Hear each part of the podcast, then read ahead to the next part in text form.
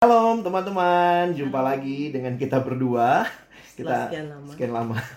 Yo dek, kira-kira hari ini apa ya yang kita mau coba gali sama-sama?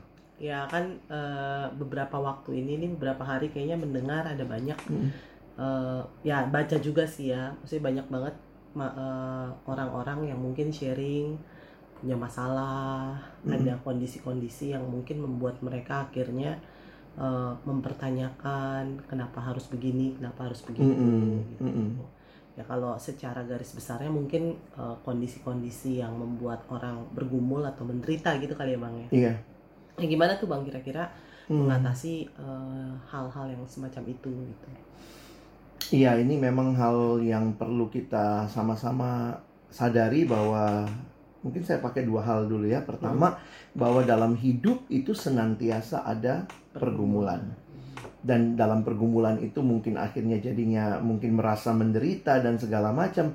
Saya pikir itu satu realita yang kita hadapi sebagai manusia yang hidup dalam dunia yang sudah jatuh ke dalam dosa.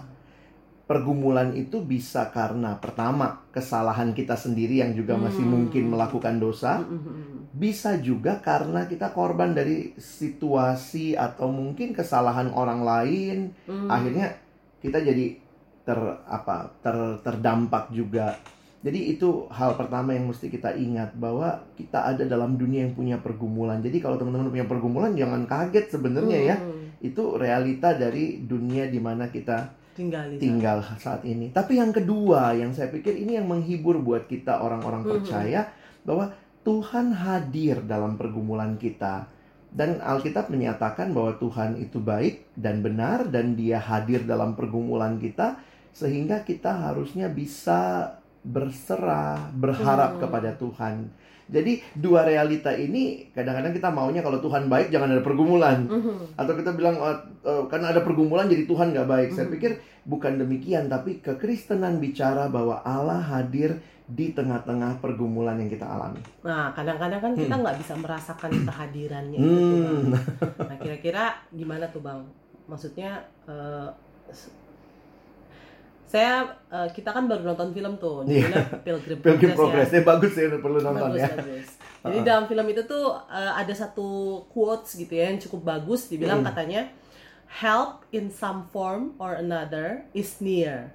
Dia bilang. Jadi pertolongan tuh Hmm. nggak jauh gitu Nggak jauh, ya. dalam segala bentuk Uh-uh. apa pun itu. Nah kira-kira dalam kondisi-kondisi yang mungkin eh, sulit gitu ya, eh, bisa merasakan kebaikan Tuhan tuh kan berarti kan mengalami juga pertolongan-pertolongan Tuhan. Hmm. Kira-kira melalui apa aja ya bang ya? Mungkin baca ayatnya dulu kali deh. Oh boleh boleh. boleh. Em, tadi dalam Mazmur ya, coba lihat Mazmur 46. Mazmur 46 ayatnya yang ke-10. Ini satu ayat yang bagi saya menghibur walaupun kayaknya bagian kita tuh tenang banget gitu. Coba deh bacain deh. Diamlah dan ketahuilah bahwa akulah Allah. Aku ditinggikan di antara di antara bangsa-bangsa, ditinggikan di bumi. Tuhan semesta alam menyertai kita. Kote benteng kita ialah Allah Yakub. Jadi kalau perhatikan Mazmur 46 ini, pemazmur dalam situasi kondisi yang juga tidak mudah tentunya karena dia mengatakan dia takut gitu ya, tapi karena ada Allah dia tidak akan takut dan ayat yang ke-10 itu memberikan kepada kita satu apa ya? Pengharapan bahwa diam dan ketahuilah. Saya waktu mikir itu diam. Kalau buat kamu apa artinya diam? Mesti gimana dong? Ya mungkin eh, itu kali ya. Eh, kadang-kadang memang kalau ada pergumulan Hmm. otak manusia itu pengennya nyelesain. Berbicara Iya. cepet ya. pengennya tuh kayak langsung Nggak diem ya.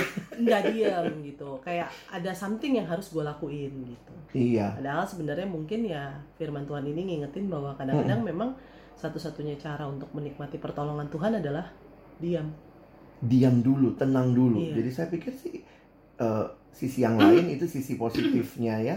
Sisi yang le- lebih jauh lagi adalah waktu kita diam itu ya kita fokus sama Tuhan. Mhm. Jangan fokus sama pergumulan kita. Tentu pergumulan kita akan menyita pikiran kita, kita ketakutan lah nanti gimana kalau begini, kalau begitu.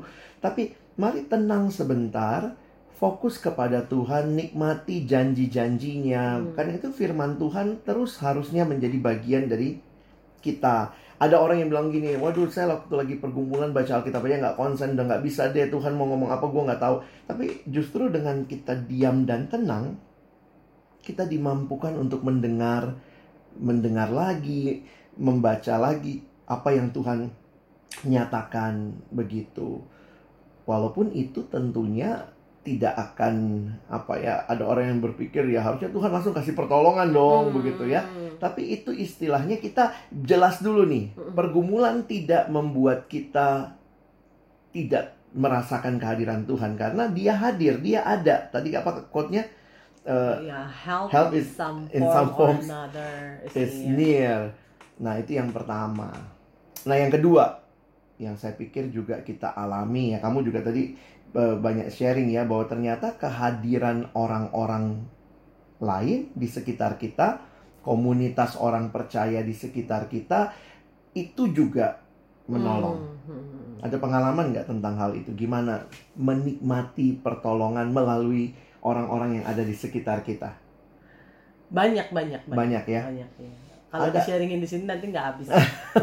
Ada temen yang cerita juga loh, loh waktu kita dengar khotbahnya pendeta ini, waktu kemudian saya dengar rekamannya ini, atau waktu kita bisa menceritakan, bertemu dengan sahabat seiman hanya dengan kita menceritakan pergumulan kita, itu pun jadi satu cara Tuhan uh, Menolong. menolong kita, memberikan apa comfort itu buat kita. Dan mungkin dari situ juga ada banyak pertimbangan yang diberikan dan mungkin itu akan menolong kita menemukan jalan keluar. Hmm. Dan saya pikir sih nikmati kehadiran Tuhan melalui firman-Nya, tapi juga jangan lupa melalui komunitas orang-orang percaya Tuhan berbicara dan menghibur kita. Hmm, Begitu oke, ya. oke. Mm-mm. Apalagi nih yang kira-kira jadi pergumulan di tengah-tengah mengalami penderitaan.